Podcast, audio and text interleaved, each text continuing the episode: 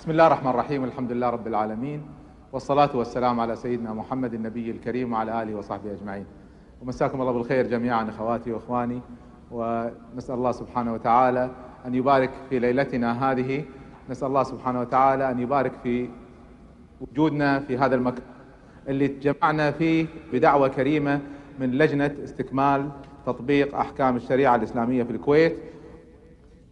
لما دعيت للمشاركة المؤتمر كان الحديث عن موضوع التغيير كأن ما لا علاقة بموضوع المؤتمر مساهمات حضارية للمرأة. لكن لما الواحد يفكر ويتأمل في كل الحديث اللي صار خلال أيام المؤتمر كل المطالبات بتطوير وضع المرأة كل المطالبات بتحسين دورها تفعيل أدائها كل هذه المطالبات هي مطالبات نحو التغيير.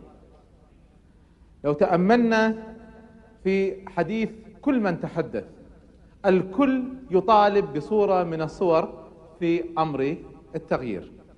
ومن هنا كانت رغبة الأخوات أن أتحدث حول هذا الموضوع الهام موضوع التغيير ومنهجية التغيير. هذا الموضوع كان يطرح من سنين لكن كان يطرح على شكل نصائح عامة مجموعة ملاحظات مجموعة اقتراحات. لكن اليوم تطور هذا الأمر تطور غير عادي. وصار علما يدرس. وصارت له أبحاث. وصار يقدم فيه شهادات ماجستير ودكتوراه في قضية التغيير. وطبعا كما هو الحال في أي علم يبدأ بسيط ثم يتطور. إلى أن يتحول إلى منهج متكامل قابل للانتقال من طرف إلى طرف آخر. طبعا ممكن إحنا ندخل فلسفات في موضوع التغيير وندخل في نظريات وعلوم وأبحاث لكن مهم جدا إن إحنا لما نتكلم بالعموم ما نتكلم مثل ما نتكلم للمختصين. وخاصة إن هذا العلم موجه توجيه خاص نحو تغيير المؤسسات. لو عندكم مؤسسة شركة منظمة جمعية ونريد أن نطورها نريد أن نحسن أدائها كيف نفعل ذلك؟ فهنا تأتي منهجية التغيير بشكل كبير. لكننا اليوم لسنا بصدد هذا الحديث. نحن اليوم بصدد الحديث عن تغيير الفرد. التغيير اليوم المطلوب هو تغيير في المؤسسات وفي الأفراد.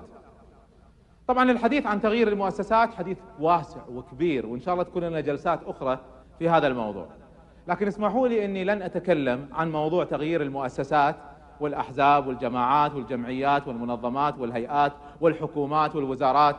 هذا موضوع آخر وكبير جدا بل هو الأساس في علم منهجية التغيير. لكن الجزء الآخر من هذا العلم يتعلق بمنهجية تغيير الفرد. كيف يتغير الفرد؟ كلنا نرغب إن نغير أنفسنا كلنا نرغب إن نغير اللي حوالينا. ودنا نغير بعض سلوكيات اللي حوالينا. قد نرغب في تغيير زوج قد نرغب في تغيير سلوك ابن أو بنت. قد نرغب في تغيير سلوك موظف معاجبني تصرفه. كلنا نرغب في تغيير سلوك الآخرين.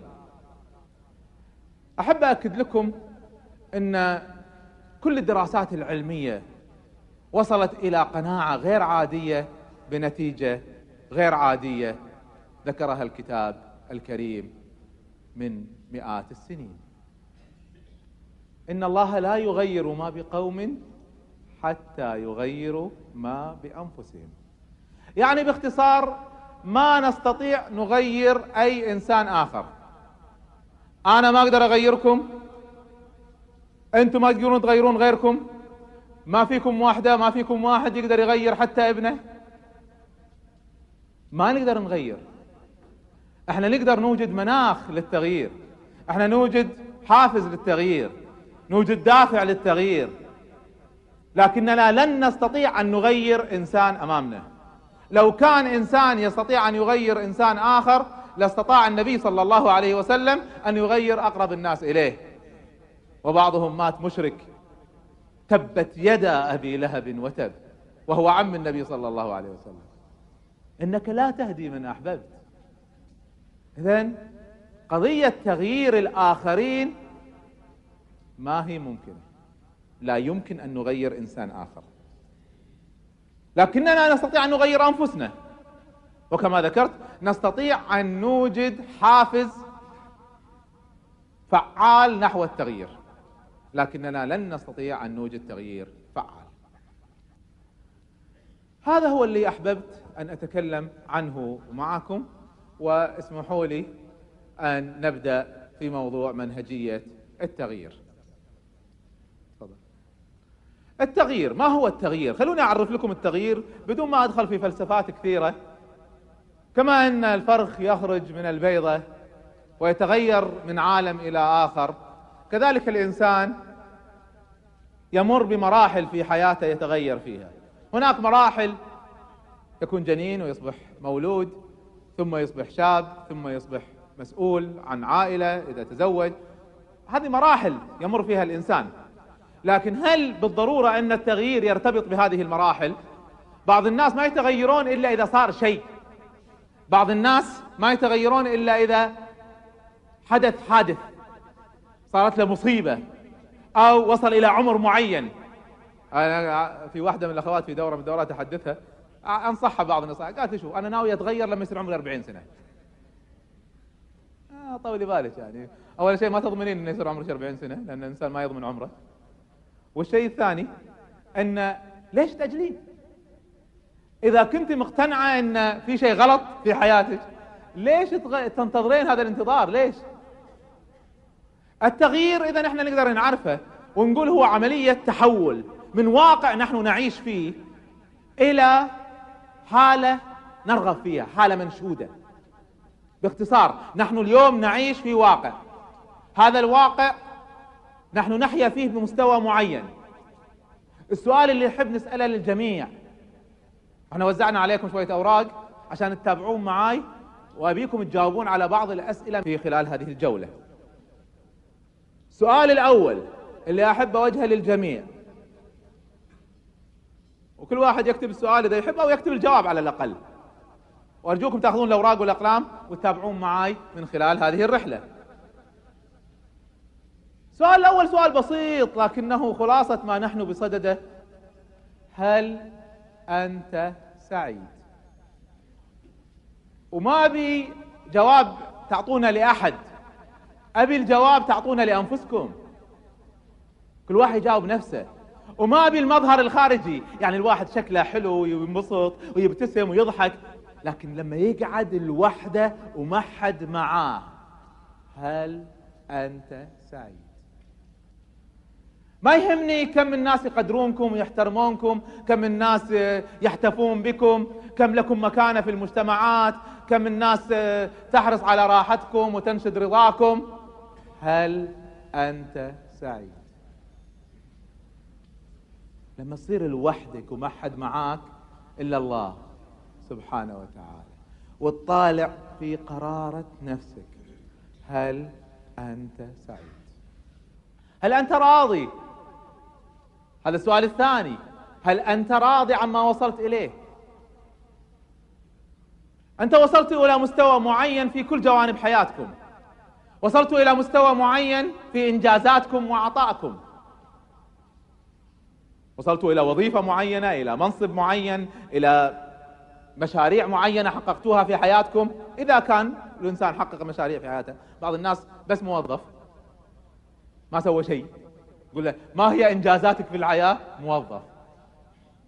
في شيء غلط. في شيء غلط في التعريف هذا. ما الذي قدمته للبشرية؟ كنت موظفا عاديا. في شيء غلط. سؤال. هل أنت راض عن المستوى الذي وصلت إليه؟ والذي وصلت إليه في كل الجوانب. هل أنت راضي عن المستوى اللي وصلت إليه في منصبك؟ هل أنت راضي عن المستوى الذي وصلت إليه في إيمانك في علاقتك بالله سبحانه وتعالى وعبادتك؟ هل أنت راضي عن المستوى الذي وصلت إليه في علاقتك مع أهلك مع الزوج أو الزوجة مع الأولاد؟ هل أنت راضي عن مستوى هذه العلاقة؟ هذه أسئلة ما مطلوب أن تعطوني هذه الأوراق لكم. كل واحد يكتب لنفسه. ولازم يكون صادق مع نفسه. لأن الخطوة الأولى في التغيير أن الإنسان يشخص الواقع صح. نحن نريد حالة واقعية. لازم نعرف هذا الواقع الذي نعيشه ونعرفها بحقيقته مو ببهرجة مو بالزينة اللي حواليه مو بالابتسامات اللي نوزعها على الناس لكن من داخل أنفسنا في مشكلة. لا. هل أنت سعيد وهل أنت راضي؟ أسئلة رئيسية. تدور حولها حياة البشر. السؤال الثالث.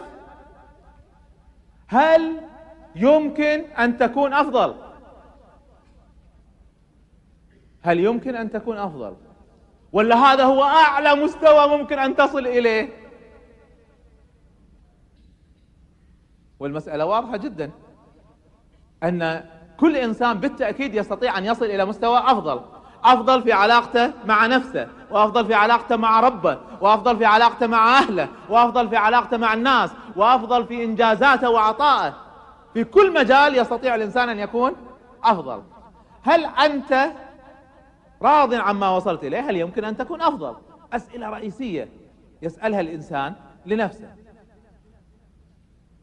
إذا تبلورت هذه الأسئلة واتضحت بهذه الصورة الواضحة إذا كانت إجاباتكم أن لا والله أنا ممكن أكون أنا سعيد بس ممكن أكون أسعد.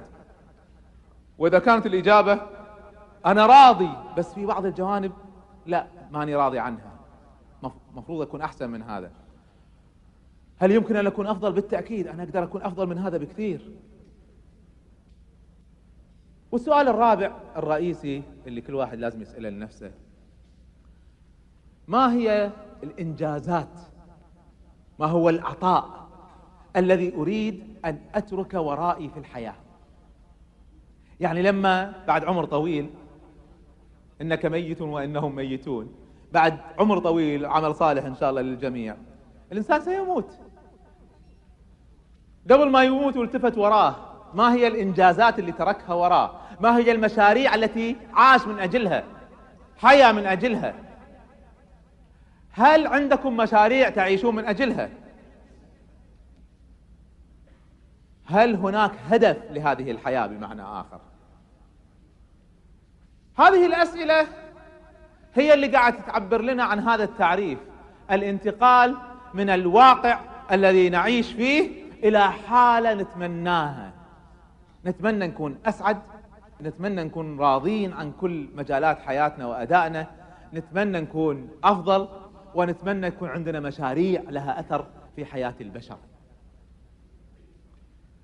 إذا فهمنا هذا نكون خطونا الخطوة الأولى وهي تعريف التغيير.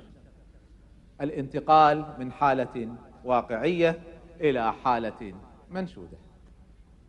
بعض مجالات هذا التغيير يعني في ماذا سنتغير؟ ما هي الأمور التي سنتغير فيها؟ أول تغيير سينطلق من التغيير في المبادئ في القيم.